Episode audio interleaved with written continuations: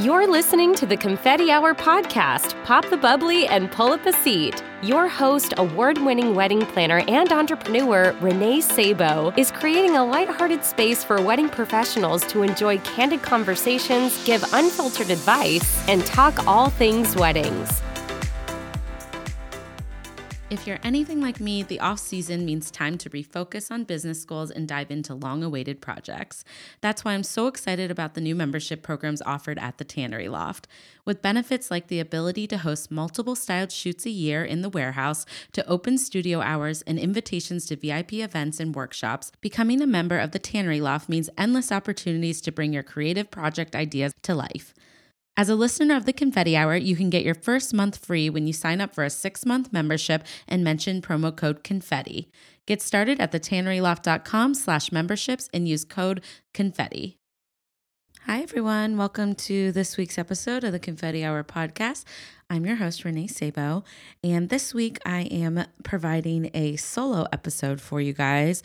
I've been pulling some topics on social media and Instagram, and um, a few of you have sent me some awesome requests. So I wanted to just start like diving into solo episodes within 2020 so that I can answer some of the questions that I get. And today I'm going to start talking about how I created a podcast. Funny enough, I actually get this question on like a monthly basis, and it's really awesome for me to see that some of you are interested in starting your own.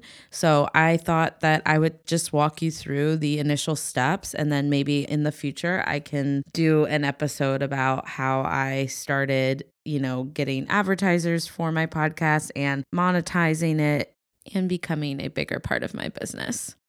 Okay, so I'm just going to kind of dive in. So, how to start a podcast is such a funny thing because I remember Googling this back in last October.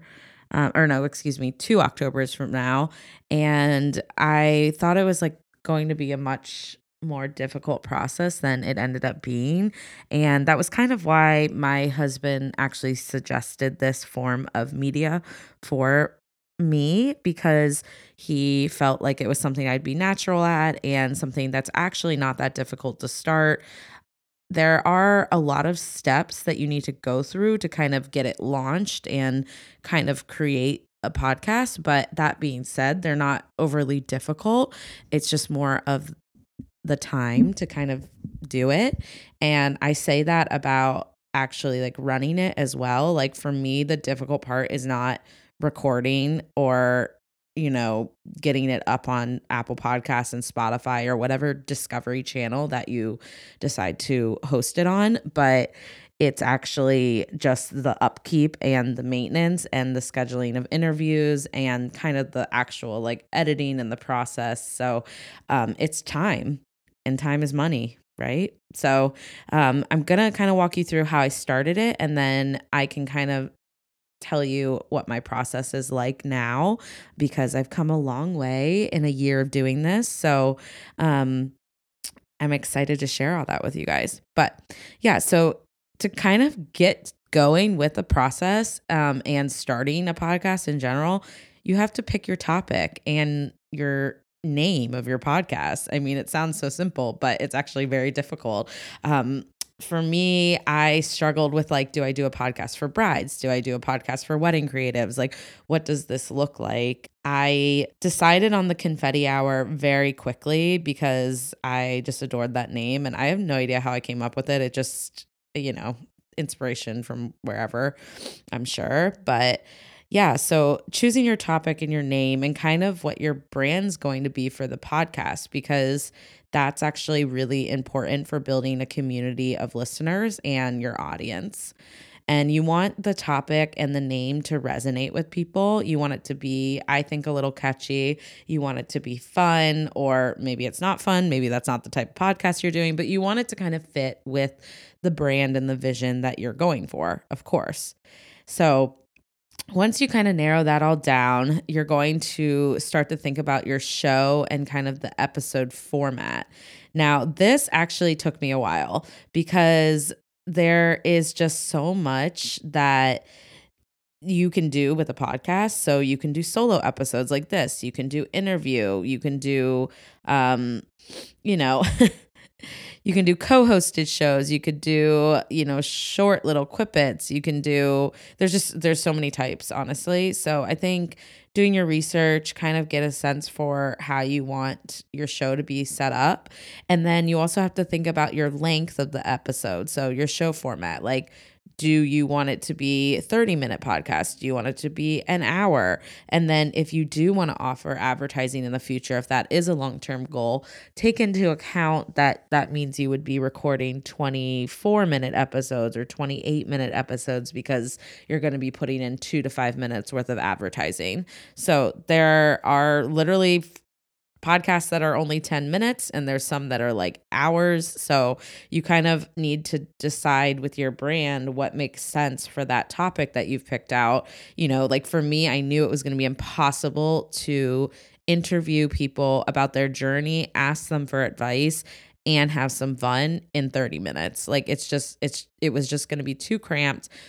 And at the end of the day, I really wanted like a full episode where people could sit in their car and they could drive and just like listen to a funny episode and just like, you know, get a lot of like you know joy out of it but also like some tips and tricks. So that's why i picked um, a 58 minute episode. And there's not to say obviously you guys know some of my episodes run over some of them are shorter. So it's just more of like i aim for it to be anywhere from 45 minutes to an hour. And that includes any of the advertisements that i have going in. So when i'm editing i actually edit down to make sure that we're sticking at least around that little ballpark. Now if it's just like there's some juicy goodness in the episode, then I'm going to keep it at an hour and six or an hour and 10 minutes because honestly, what's another 10 minutes to have some really great knowledge that is free to your fingertips? So that's kind of how my mindset it. I'm not super like uptight about it, but I do think it's nice for you to have a range or an idea in mind because of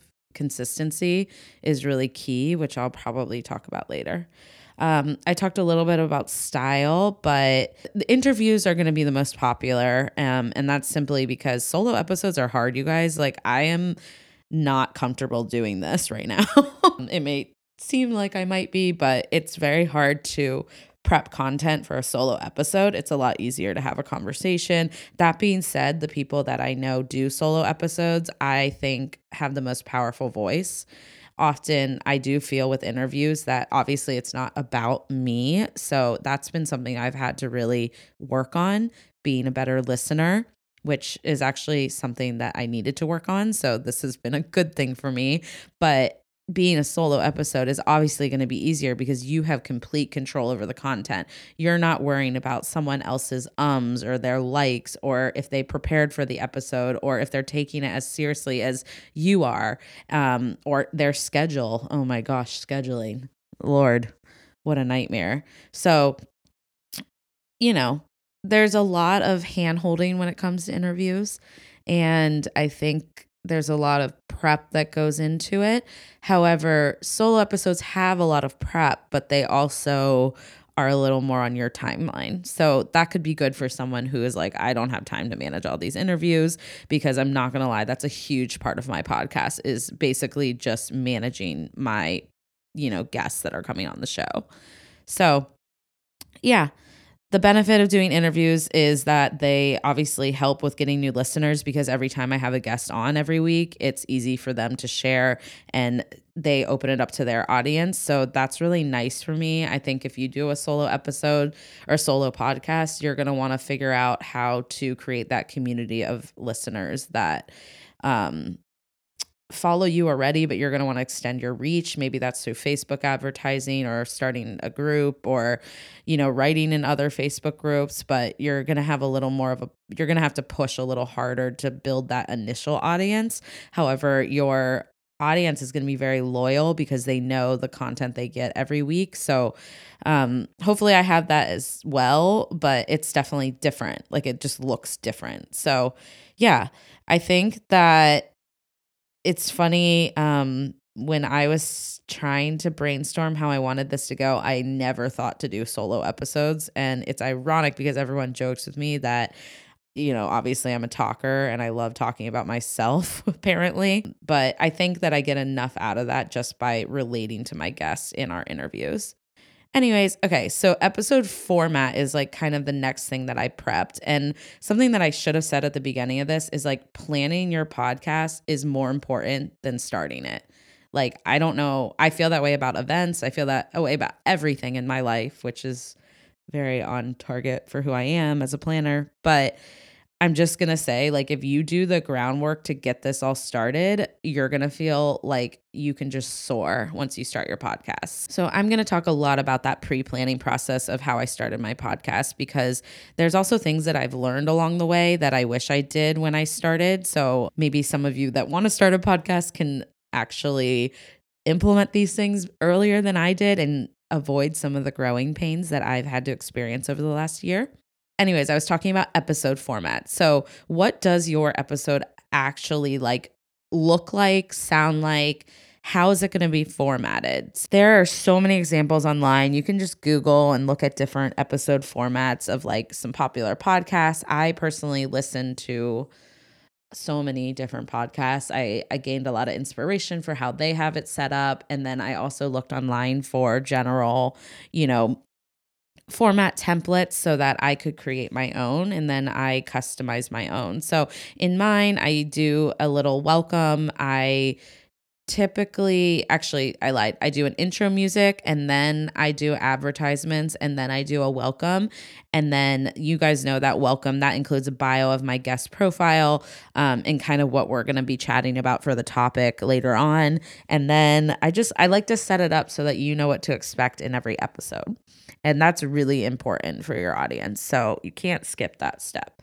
Um, in terms of intro music before the welcome, I used Audio Jungle, which is a service online. You can buy royalty free audio. And then I also hired somebody off of Voice Bunny to do my overlapping audio for the welcome. A lot of you guys asked me about that. So it's super easy. It needs to be royalty free music because you don't want to get into any issues legally. So if you're going to do that, make sure you utilize sites like that because you just don't want to get your podcast flagged or taken down, or even worse, taken to court and no fines.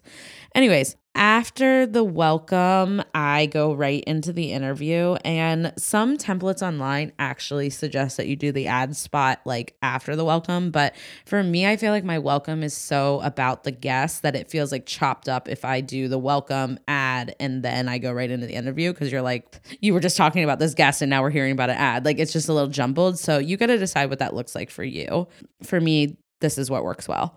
So then we dive into the interview. I usually record about a half hour before I enter any other any mid-roll ads. So a mid-roll ad is going to be longer than a pre-roll ad and those are about 60 seconds. So I usually break it up by like hearing about our guest journey. We talk about the topic and then we do a mid roll ad um, or we take a break. Sometimes, if I haven't sold a mid roll ad, then we just power through and you guys get a consistent episode. But it's important to start entering little ads or even if it's affiliate links or I promote some of the everyday creative workshops or online resources or offer mentoring through Urban Soiree now. So, those are things that are really great to kind of put into your initial podcast because I something that I did learn over time is that I wish I had started from the very beginning with these because your listeners get really used to you to the format. Like they're very like loyal listeners and they they get very used to how you format your episodes. So for me adding in advertisements and stuff like that, I kind of had to do it at a slow gradual pace because it's not something my audience was ever used to. They were used to getting free content that's streamed for a consistent 45 minutes to 60 minutes. So to add in ads, it's a little disruptive um and I think that it's just better if you can do it from the very beginning. I love them because A, I love working with different partners and bringing you guys ads that are actual products or services that I believe in. I never sell any type of ad that is not something I've either tried or a, a mission that I support. So that I think is extremely important. And if you do want to get into ad space, like you really need to look at why you're doing it because it's the quickest way you could lose your audience is promoting stuff that you don't really care about. Like I've been approached by pet boxes, like there was like a cat box company and don't get me wrong, that sounds awesome, but I don't even have a cat. So why am I going to promote that? Also, this is a podcast for wedding creatives, so again, why is there a cat box? Now, I might do something that isn't necessarily related to the wedding industry, say a service like HelloFresh, but that's but I would always loop it back to that is a service I use as a method of outsourcing for my business because I am too busy to go grocery shopping, which sounds ridiculous now that I say it out loud, but it's true.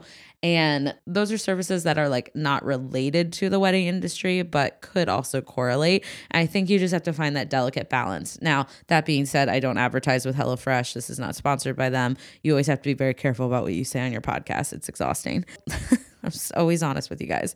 Anyway, so once I get to the mid roll and that interview, it's a really nice way to kind of break it up. I found like a champagne pop on Audio Jungle that I really like. I think that it kind of like sets the tone. Now, be very careful with your volume settings. So when you start implementing these different audio tracks, you're going to want to make sure after you edit the episode that your volumes aren't going crazy because I've experienced like the champagne pop sounded like a gunshot, like in people's cars. And I know some of you listening are laughing because you're the great listeners and friends that gave me that advice that you're like, whoa, by the way, that's really loud. So, again, things to just be aware of. And I'm going to walk you through how I edit my episode as well after we get through the planning and the launching of the podcast. But format so basically, at the very end, you know, as you guys know, after the mid roll, we go into what do my guests wish other vendors knew and their confetti hour confession, thoughts on the future, and then I do a call to action, which is asking them for their social media handles, their websites, and then of course I ask you guys to review us on iTunes or wherever you tune in, comment on Instagram.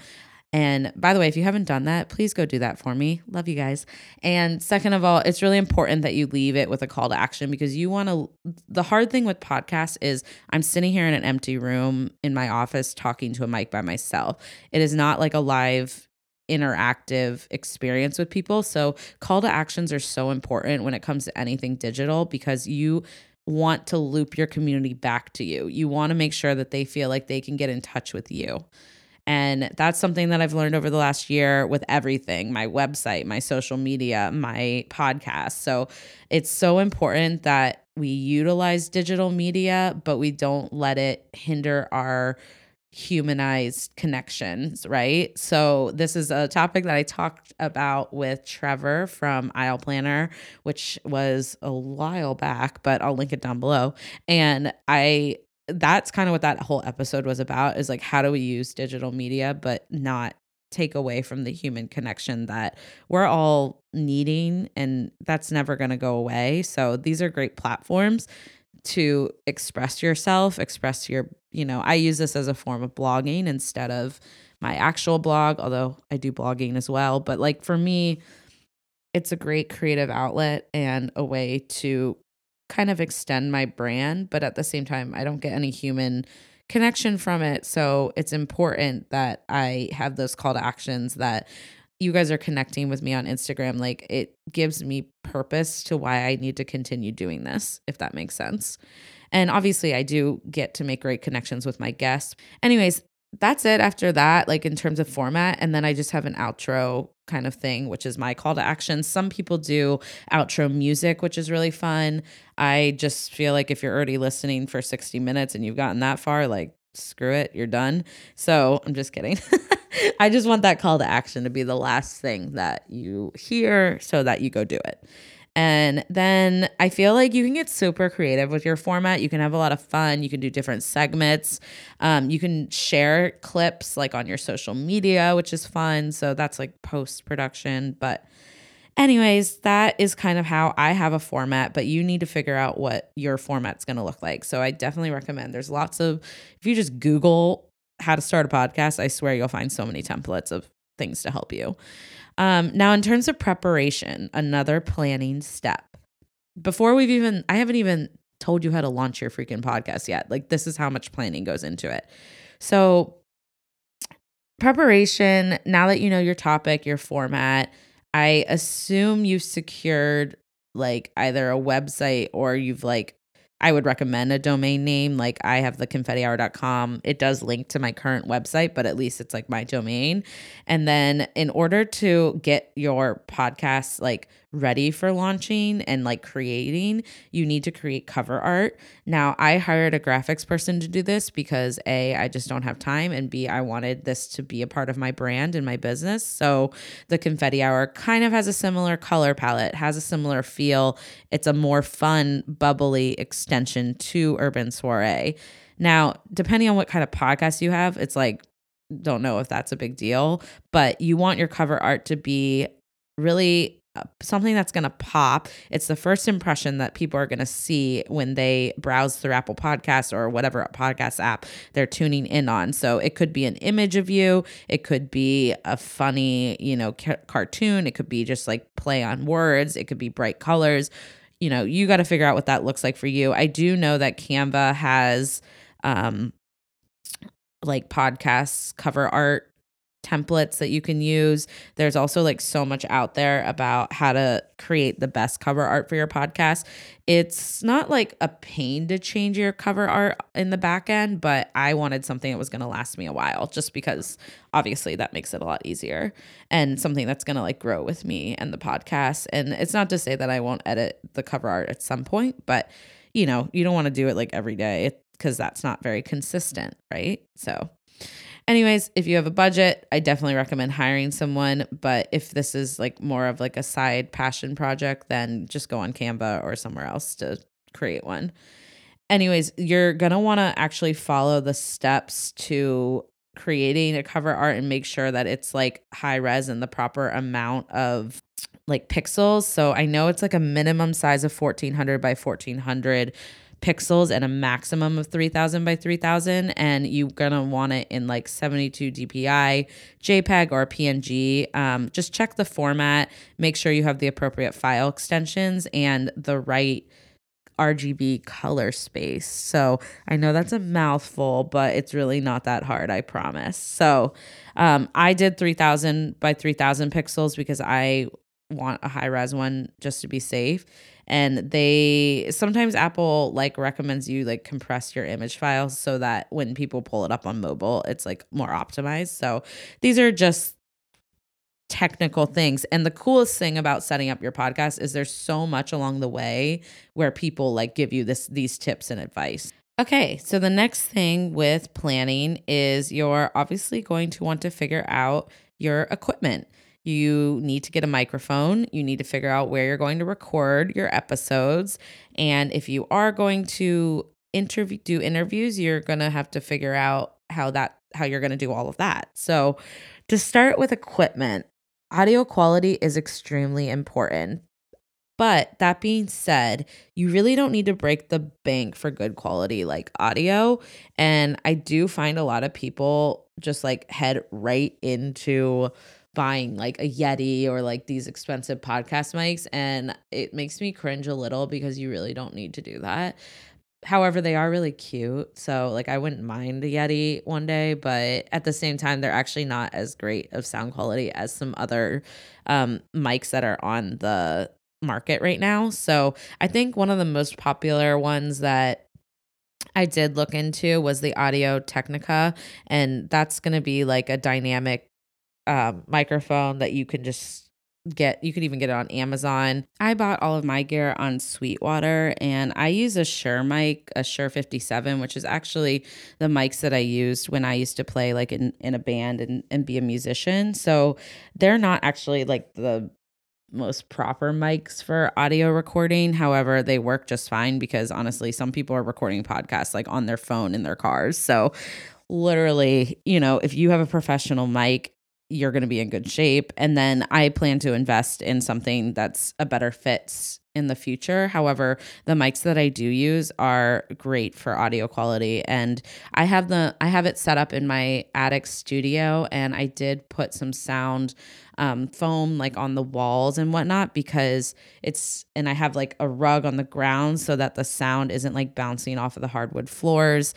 Honestly, I could I could probably record in my closet and that's going to be a lot better for audio quality. There are like sounds that get picked up in here because it's near a window and especially in the summer like I had to have my air unit on, like it just picks up all sorts of stuff. So where you're going to record is actually very important. However, I don't want you to get held up on it because I've also recorded at my co working space at the wing, and none of you guys seem to notice a huge difference. Um, so I've seen people rent out like conference rooms. There are there are like podcast studios for rent in Boston. However, that gets like super expensive when you could literally just use your closet.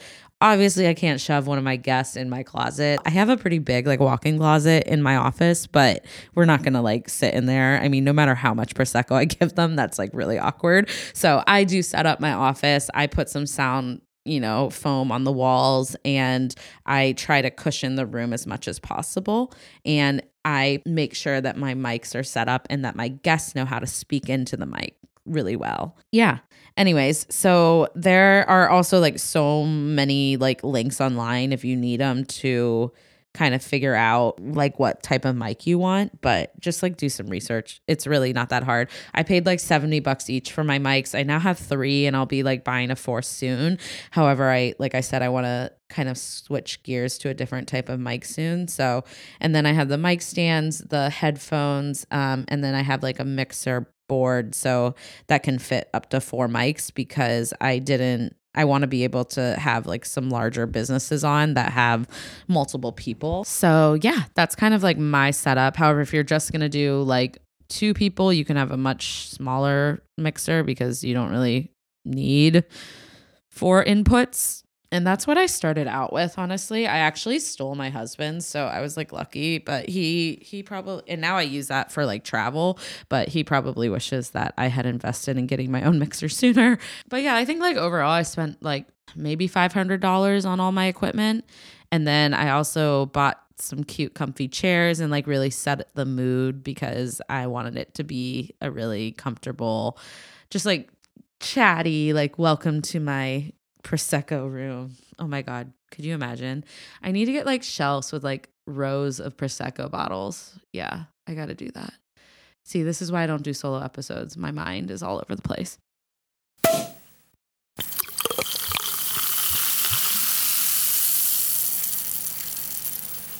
Designed by Event Pros for Event Pros, Aisle Planner is a beautiful all in one marketing, sales, planning, and project management platform. It is designed to simplify your technology, streamline your processes, manage your details, and create an intuitive, collaborative, and seamless online experience for you, your team, your partners, and your clients for every event from the day you first meet to the day of their event. All in one place, all behind one login. Confetti Hour Squad, let me just tell you what a game changer implementing Aisle Planner into my business has been. Introducing their easy to use platform to not only clients and vendors, but also my own team has been one of the best things for my business. And now I'm so excited I get to share it with all of you. To try Aisle Planner for yourself and see why their platform is the lifestyle shift your business needs, head to www.aisleplanner.com and use code CONFETTI2019 to receive 25% off your first three months of your subscription. So now you have your audio figured out, how you're going to record. You kind of want to start to think about what you're going to record in and how you're going to edit to get started, I really recommend my Mac users to use GarageBand for recording and editing. It's completely free. It's what I use. It's awesome. And then my husband does like edit in his own software after that. I was recording in Reaper and then exporting into Logic Pro for my husband, but I feel like that could be really complex for someone just starting out and that's also like an investment that you have to make in the software so i really recommend just like getting started with like GarageBand or there's Audacity, there's Adobe Audition. I've also like people just use Skype or for me I use Zencastr for interviews with people that are not local and it does a great job. However, you those are kind of two different things. Like you can't edit in Zencastr and you can't edit in certain like like Skype, you want to be able to download the MP3s and put it into an editing software. So just do some of your, there's like a difference between a recording software and then an editing. And that's why I like GarageBand because I can do like simple edits myself in GarageBand. Actually, you can do like a lot in GarageBand. Um, I edit all the volumes and stuff like that. And then I do like give it to my husband to go into Logic Pro and just like clean it up for you guys. But that's something that you really don't need to get started. So I don't think you should like stress yourself out. Like use something simple like GarageBand. And for me, I go in and I just add the audio inputs. I connect audio one, audio two, make sure that your volumes sound good. Um, make sure that you don't have your beats clicking. That's something that GarageBand Auto like does and you hear the beats throughout like all the recording and honestly it's like so annoying. So you just got to make sure you turn off that stuff.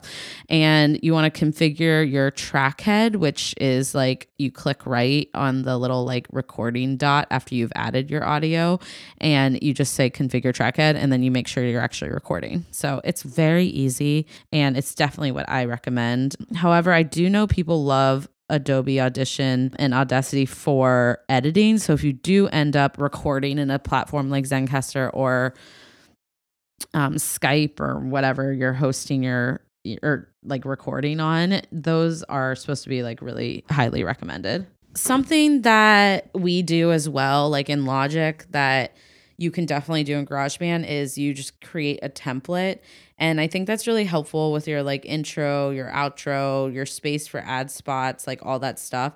However, I don't typically put the template like with the interview episodes that I do.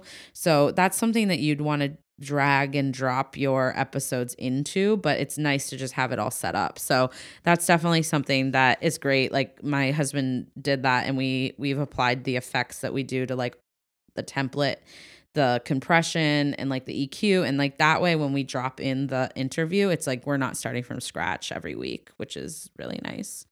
Anyways, so now you're gonna record, record your first episode. I am a big like believer in batch recording. I think you need to be prepared for how much time editing takes. So pre plan like at least a month or two worth of content. But just start recording, play with it, and you'll see after some time. I mean, it takes no time to get comfortable. So I think that people get a little nervous. So I would do it. Like if you know you want to launch your podcast, I would start doing this months in advance. Just so that way you don't feel overwhelmed and you feel ready for your launch because there's a lot that are is happening like in addition to you like navigating and learning the editing, you're going to be like announcing your podcast, setting it up and like actually marketing it. So, but before I like get into how you actually like set up your podcast as an official podcast, I just want to finish talking about like editing your episodes. So, there are like things you can do to easily like make editing quicker. Um, I talked about like the settings and kind of that template with like your sound. But if that's too technical, I mean, like, screw it. Like, just get used to actually making clip cuts like in GarageBand. That's what I do. And I do edit to make sure that everything is like seamless. If people have like little bloopers or like whatever, I try to take that all out and make it like a, a very professional, consistent uh, conversation.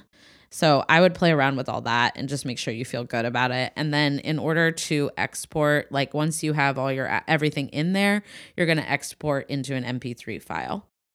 Now we can move on and talk about actually getting your podcast hosted and like launching a podcast. So, once you figure out your hosting site, there's actually a lot of different hosting sites, but you can kind of do some research and decide like where you want to host it.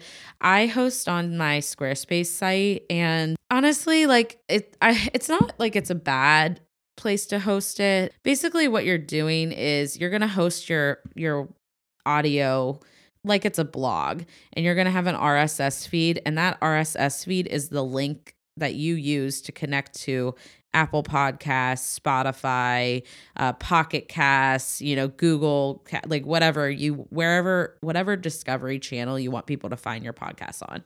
So that's how you do it and your host is really important. So i might recommend like just from the very start getting started with something like buzzsprout or simplecast or podbean or there's oh my gosh there's like so many I'm planning to move mine over because Squarespace limits me to like showing just 100 episodes. And after two years, that's going to be tough for me. So um, I'm going to move mine over. There's a lot of benefits to using a hosting site. It's there is like a fee for it, but you're going to want to invest a little in that part of it because you're going to get analytics and things like that. As of right now, I do get some analytics from podcasts like from Squarespace, but at the same time it's not as quite as comprehensive. I think like good for beginners, like I've heard Buzz Buzzsprout's really good. So maybe like check that out. And it they have so many great like tutorials and stuff like that on how you can actually get your podcast host. There's also like services that can help you. So I think Blubrry is like one of the bigger ones that I've heard of and they they can help you um kind of like integrate it with like if you use WordPress or like another site. And it there's just like plans that you have to hire. So it's really not that hard. This part sounds more overwhelming than it is. You just you do need to do the research to figure out what's going to work best for you. I'm likely moving my Squarespace host over to Libsyn, which is a podcast hosting service and they they've been around for years and it's like very recommended. So I'm going to move my stuff over, but that being said, like I've been hosting my podcast for free on my Squarespace site and pricing is going to change because you basically pay per month for the amount of upload limits. So like I'm going to have to pay probably like $15 a month or something like that because most of my episodes are like anywhere from 100 to 150 like megabytes. So you just want to make sure that you're on the right plan and whatnot. But yeah, so figure out your hosting site and then you'll get your RSS feed and then you can officially start to set up everything.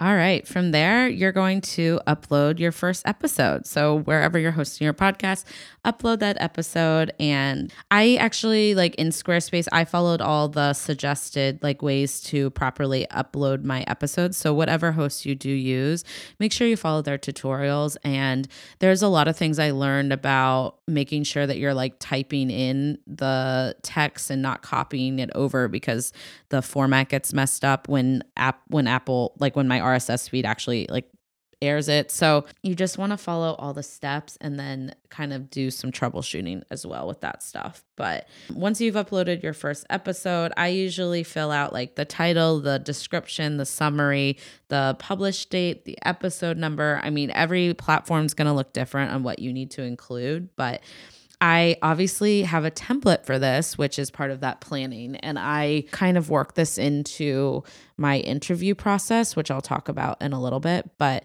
they, my guests, they give me all of the information that I'm going to need for all of this. And then I prep the title with them and things like that. So um, it's not like you're starting from scratch when you upload audio. However, I was doing that when I first started. So I'm suggesting to you that you do something more streamlined it's really helpful to kind of have like a template created, which is what I do. So that way every week you're kind of, you know, or every other week, you know, you decide how often you're posting. But. And then once you have your first few audios uploaded, you're going to want to submit to Apple Podcasts, which is iTunes. And how to submit your podcast on iTunes is actually very easy. What really happens is that you show iTunes where your podcast files are located in the form of an RSS feed.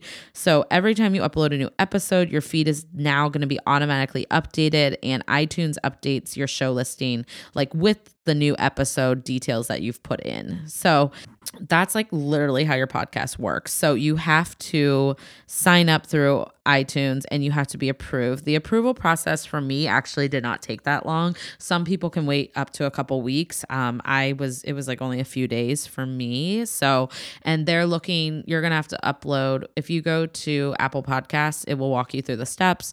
You're going to have to link your RSS feed and you're gonna upload your artwork and any of your initial marketing details. So I had like a tagline, the Confetti Hour podcast title, you know, all that jazz. So that is how you're going to get approval from Apple Podcasts. And then you're going to be uploading um, I mean, you're as soon as it's live, like those episodes that you've started to upload are live. So only publish you know, episodes that you want to be out. And for me, I did an introduction episode and launched it and announced it on Instagram. But they do recommend that you actually do like an introduction episode and then have a few already posted so that when people discover you, they can binge your podcast, they can become loyal audience like listeners. And um, that is something that I didn't do, but I definitely see the benefit in it. So I recommend like doing at least a few just to kind of get your podcast up there. It doesn't look so new and people can really um, binge listen to what you have to offer. But yeah. And then after you get like accepted by Apple Podcasts, I did um I did uh, sign up for the Spotify, like you just like enter in your RSS feed and stuff like that. So wherever you end up wanting people to tune in, that's like kind of what you do. But it's not as hard as you think and you just need to walk through all of the steps that Apple Podcast or that iTunes like makes you do. So anyway, so next like after you submit your RSS feed to like other directories, which is what it's called, um you're going to start kind of like promoting it. you're going to want to, you know, be consistent with it. And I think over time, like you'll find what works for you in terms of being consistent. But this is where I'll kind of walk you through actually my process. But since I do interviews, I pre like brainstorm all the interviews, how I want the months to kind of flow. Like I don't I would never want to do back-to-back interviews with the same type of vendor. So I try to mix it up. And with that comes a lot of pre planning because I have to get them in here and then I need at least a couple weeks to turn around an episode. Um, and honestly, you're going to want more than that. So I try to pre batch like for the season. So like for this winter from January to March, like I already have in mind the amount the people that I'm asking. And at this point, you know, having been around for a year, I do get pitched often and I take those in case by case basis whether I think that that guest would be informative and helpful to my audience. And I actually really love when people pitch me because um, it just shows how much they've invested in thinking about coming on my podcast. And I really do. Um, love like having that too. However, you know, the people that I do pitch, I have to prep a little more, and that's okay too. So, the way that I do that is I first invite them if they want to be a guest. And if they do, I send them a link to my to a calendar that's set up just for the podcast. And these are dates that I've set aside over the next three months that I know I'm going to record. I often do back to back recordings in a day so that I can like batch focus and record on just the podcast that day and not get sidetracked with all my emails that never end. So that is something like I try to do like Urban Soirée days and then podcast days because it just gets like a little scattered. Um, that being said, some days I'll squeeze in an episode and then I'll go do my email. Like you have to decide what that looks like for you. Um, I try not to record more than four episodes a month because it's a big time commitment. I usually spend at least a couple hours with each guest. So you're already have added, you know, two, four, six, eight hours to your docket for interviewing. And then for episode like edits, I'm probably a little more tedious than most. And it takes me about an hour and a half to two hours, sometimes three if it's like a really rough episode to edit. It takes me like three hours for sure. So I usually like allocate that per week. So you're definitely like the hours are adding up on top of, you know, your or your job already. So just keep that in mind. So batch recording really allows you to edit when you need to and kind of like streamline that process for your business or your hobby or your time. And so after that, I also send my guests a show interview form and that asks them for their pitch basically all of their info and i want them to start brainstorming topics that they feel confident to speak on. And that's kind of how the title of the episode gets created. I usually ask for at least a few different topic ideas so that we can d- brainstorm what's going to be the most effective on the podcast because i never want to like i said do back to back topics or back to back similar styles of vendors and services. And um, by having people brainstorm a few different topics, that really allows us to get creative with it. Um, and often I find that like a couple topics that people pitch are already things we're going to talk about in their journey. And then we can have one like joint one that we talk about. So that's kind of how I'm set up. I asked for them to sign a media release, submit their headshots, and send me their address just in case I finally get around to doing like a cute little confetti hour party um, or I want to send Christmas cards. You know, like I think all of these things are easier for people to give to you up front. And it's a huge pain in the butt if you're going to ask for things afterwards. So just keep that in mind and stream, make a streamlined process, whatever you do from there they sign up for a calendar they get an auto calendar invite. So it's it has all of the details of you know where we're recording if it's going to be over zencastr if it's going to be in my home studio what to expect and what to prepare for. And then I also follow up with a show outline, which I have templates for, and my virtual assistant helps me put those together. And then we send a show outline where people can add in their own notes and prepare for the episode. And that's going to be breaking down that episode format so that it's a little less overwhelming for a lot of my guests who have never really been on a podcast before. But for me, that has been my process. And it's been something that I wasn't doing when I first started. And then I started implementing, and it has um, made my life so much easier. And it's also allowed my team to come in and help me with it, which is something that I think you really it's really helpful if you can delegate certain tasks because if I'm doing a two or four hour day with recording, but I also have guests coming the following week that need a show outline. Like you just need to be realistic with what you can handle. And so making these like systems and processes for whatever you do in your business is going to allow someone else to be able to come in and help you with it. So that's what I did with the podcast. Highly recommend. I also have templates in Canva for creating the marketing images and I send that out after the guest. I, I usually follow up after the interview and let them know when we're airing. Sometimes it's like more in advance than others. It just depends on what's going on with the scheduling. Um, if someone cancels on an interview and I have to bump someone's episode up, like there's just so much that goes into when I offer an air date. So um, thanks to all my past guests because they've been so patient with me as I navigate all this. But it's definitely you know something in the future that I will I will look to basically batch record like six months worth of episodes. That's my goal for this year because it's too hard to do a month by month and like wait for people.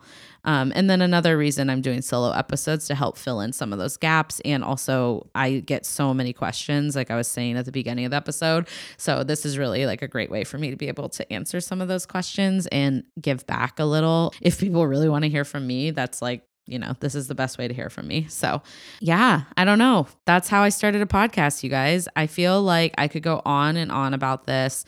And I think it's going to need to be a separate episode to talk about implementing like advertisements and, and how I went about that. But I hope that this at least gave you some insight on how to start dabbling in the world of podcasting. It's an incredible form of digital media that I'm so grateful that I implemented into my business. So, I highly recommend it if you feel like it's your cup of tea.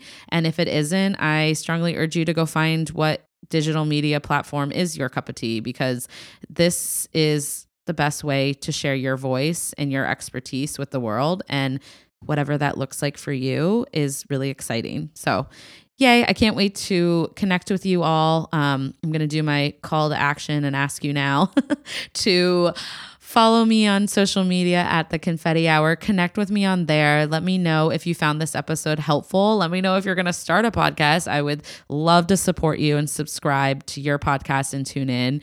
And if you feel inclined and have some time, I would love to have whoever tunes in on Apple Podcasts leave a review for our show. It's like so, so helpful um, with ratings and all that jazz. So I'm super excited that I finally got time to sit down and record this episode, and I hope you all really enjoyed it. Next week is going to be really special too. You're you're not going to get rid of hearing from me, um, but next week is my one year anniversary of launching this podcast, um, the official like first episode. So I will be finally airing an interview that was on me. so stay tuned for next week. You're going to hear about my journey. And then in February, I'll kick off with some more awesome guests, and you can, you know, have a break from hearing from me. How lovely. Anyways, I love you guys. Thank you so much for tuning in, and I'll catch you guys next week.